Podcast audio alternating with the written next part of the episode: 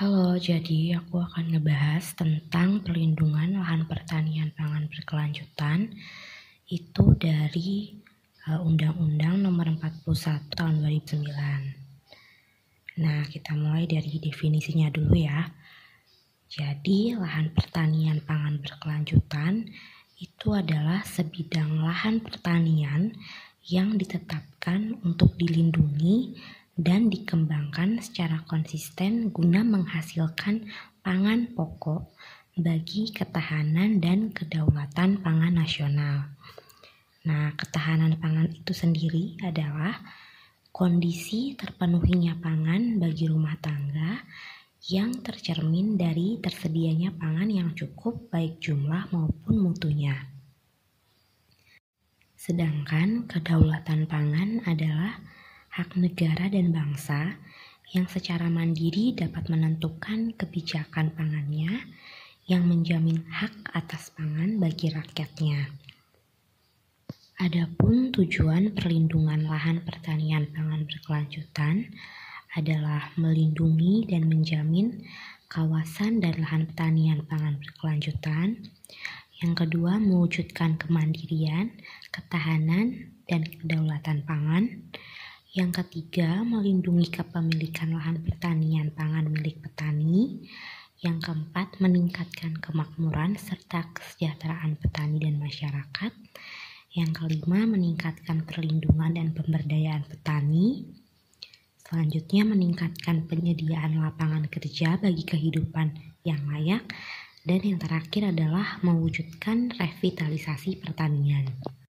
Lahan pertanian pangan yang ditetapkan sebagai lahan pertanian pangan berkelanjutan itu dapat berupa tiga lahan. Yang pertama lahan beririgasi, yang kedua lahan reklamasi rawa pasang surut dan non pasang surut atau lebak, yang ketiga adalah lahan tidak beririgasi. Lahan-lahan ini tentunya harus masuk ke dalam kriteria-kriteria e, antara lain adalah yang pertama, kesesuaian lahan dengan komoditas pangan yang akan ditanam. Selanjutnya, ketersediaan infrastruktur, potensi teknis lahan, dan yang terakhir adalah luasan kesatuan hamparan lahan. Pemerintah melakukan perencanaan lahan pertanian pangan berkelanjutan berdasarkan yang pertama adalah inventarisasi Inventarisasi di sini merupakan pendataan penguasaan, kepemilikan, penggunaan, pemanfaatan, atau pengelolaan hak atas tanah pertanian pangan, di mana inventarisasi di sini mengedepankan prinsip partisipatif untuk meningkatkan kesejahteraan masyarakat. Selanjutnya, melakukan identifikasi tadi, yaitu tentang kesesuaian lahan dan potensi-potensi serta ketersediaan infrastruktur, dan yang terakhir melakukan penelitian. Setelah perencanaan oleh pemerintah tadi, selanjutnya pemerintah melakukan pengembangan terhadap lahan pertanian pangan berkelanjutan meliputi intensifikasi dan ekstensifikasi. Intensifikasi di sini dilakukan dengan sembilan cara. Yang pertama, peningkatan kesuburan tanah, yang kedua peningkatan kualitas benih, yang ketiga pendiversifikasian tanaman pangan, yang keempat pencegahan dan penanggulangan hama tanaman, yang kelima pengembangan irigasi, yang keenam pemanfaatan teknologi pertanian, yang ketujuh pengembangan inovasi pertanian, yang kedelapan, penyuluh pertanian. Dan yang terakhir adalah jaminan akses permodalan bagi petani. Selanjutnya yang kedua, ekstensifikasi dilakukan dengan cara uh, pencetakan lahan pertanian pangan berkelanjutan dengan penetapan lahan pertanian. Kemudian, ekstensifikasi dilakukan dengan cara pengalih fungsian lahan non pertanian pangan menjadi lahan pertanian. Pengalih fungsian lahan pertanian ini dilakukan terhadap tanah terlantar dan tanah bekas kawasan hutan. Tanah terlantar sendiri dialih fungsikan apabila tanah tersebut selama tiga tahun hmm, tidak diusahakan, tidak dipergunakan, atau tidak dimanfaatkan. Sedangkan tanah bekas kawasan hutan dialihfungsikan apabila selama satu tahun atau lebih tidak dimanfaatkan sesuai kewenangan. Perlindungan lahan pertanian pangan berkelanjutan dilakukan juga dengan dukungan penelitian. Penelitian sebagai dimaksud di sini itu dilakukan oleh pemerintah meliputi yang pertama pengembangan penganekaragaman pangan. Yang kedua, identifikasi dan pemetaan kesesuaian lahan. Yang ketiga, pemetaan zonasi lahan pertanian pangan berkelanjutan. Yang keempat, inovasi pertanian. Yang kelima, fungsi agroklimatologi dan hidrologi yang keenam fungsi ekosistem, yang dan terakhir sosial, budaya, dan kearifan lokal. Nah, hasil penelitian lahan pertanian pangan berkelanjutan ini e, merupakan informasi publik yang dapat diakses juga oleh petani dan pengguna lainnya demi e, kesejahteraan petani nantinya. Tidak hanya penelitian, pemerintah juga wajib melakukan pembinaan dan pengendalian lahan pertanian pangan berkelanjutan. Pembinaan di sini meliputi yang pertama koordinasi perlindungan, yang kedua sosialisasi peraturan perundang-undangan, yang ketiga pemberian bimbingan, supervisi dan konsultasi, yang keempat pendidikan, pelatihan dan penyuluhan kepada masyarakat, yang kelima, penyebarluasan informasi kawasan pertanian pangan berkelanjutan.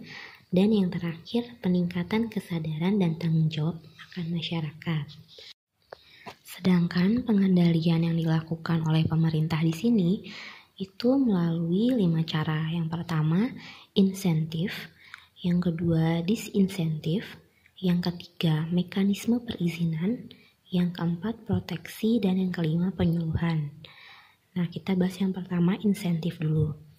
Insentif di sini diberikan kepada petani berupa keringanan pajak bumi bangunan, pengembangan infrastruktur pertanian, pembiayaan penelitian, dan pengembangan benih dari varietas unggul, dan yang terakhir adalah kemudahan dalam mengakses informasi dan teknologi.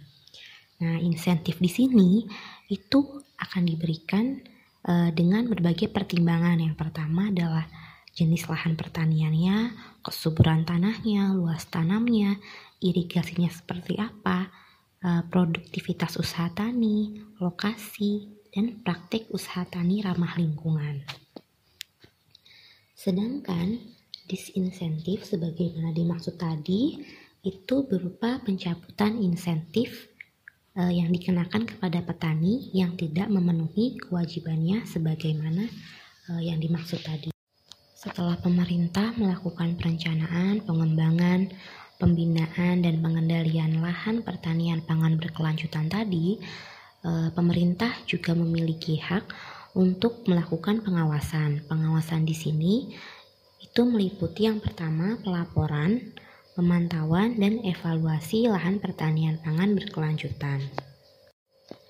Pelaporan yang dimaksud tersebut merupakan informasi publik yang diumumkan dan dapat diakses secara terbuka oleh masyarakat sesuai dengan ketentuan peraturan perundang-undangan. Nah, pelaporan sebagaimana dimaksud ini dilakukan secara berjenjang oleh yang pertama pemerintah desa kepada pemerintah kabupaten Nantinya pemerintah kabupaten kepada pemerintah provinsi dan yang terakhir pemerintah provinsi e, melaporkan kepada pemerintah pusat. E, perlindungan lahan pertanian pangan berkelanjutan ini tentunya kan tidak lepas dari petani. Jadi pemerintah wajib melindungi dan memberdayakan petani, kelompok tani, koperasi tani, serta asosiasi petani. Perlindungan petani sebagaimana dimaksud di sini berupa pemberian jaminan. Yang pertama, harga komoditas pangan pokok yang menguntungkan. Yang kedua, memperoleh sarana dan prasarana pertanian. Yang ketiga, pemasaran hasil pertanian pangan pokok. Yang keempat, pengutamaan hasil pertanian pangan dalam negeri untuk memenuhi kebutuhan pangan nasional. Dan yang terakhir, ganti rugi akibat gagal panen. Sedangkan pemberdayaan petani yang dilakukan pemerintah antara lain meliputi yang pertama, penguatan kelembagaan petani. Yang kedua, melakukan penyuluhan dan pelatihan untuk peningkatan kualitas sumber daya manusia. Yang ketiga, pemberian fasilitas sumber pembiayaan. Yang keempat, pemberian bantuan kredit kepemilikan lahan pertanian. Yang kelima, pembentukan bank bagi petani. Yang keenam, pemberian fasilitas pendidikan kepada petani. Yang terakhir adalah pemberian fasilitas untuk mempermudah mengakses ilmu pengetahuan, teknologi, dan informasi. Tentunya semua itu tidak lepas dari peran serta masyarakat. Nah, di sini peran serta masyarakat yang dilakukan itu melalui lima cara. Yang pertama, pemberian usulan, tanggapan, dan saran atas pembangunan lahan pertanian pangan berkelanjutan. Yang kedua, pelaksanaan kegiatan intensifikasi dan ekstensifikasi bersama petani. Yang ketiga, penelitian. Yang keempat, penyampaian laporan dan pemantauan terhadap kinerja. Dan yang terakhir, bersama-sama melakukan pemberdayaan bagi petani. Mungkin segitu yang dapat saya sampaikan. Terima kasih.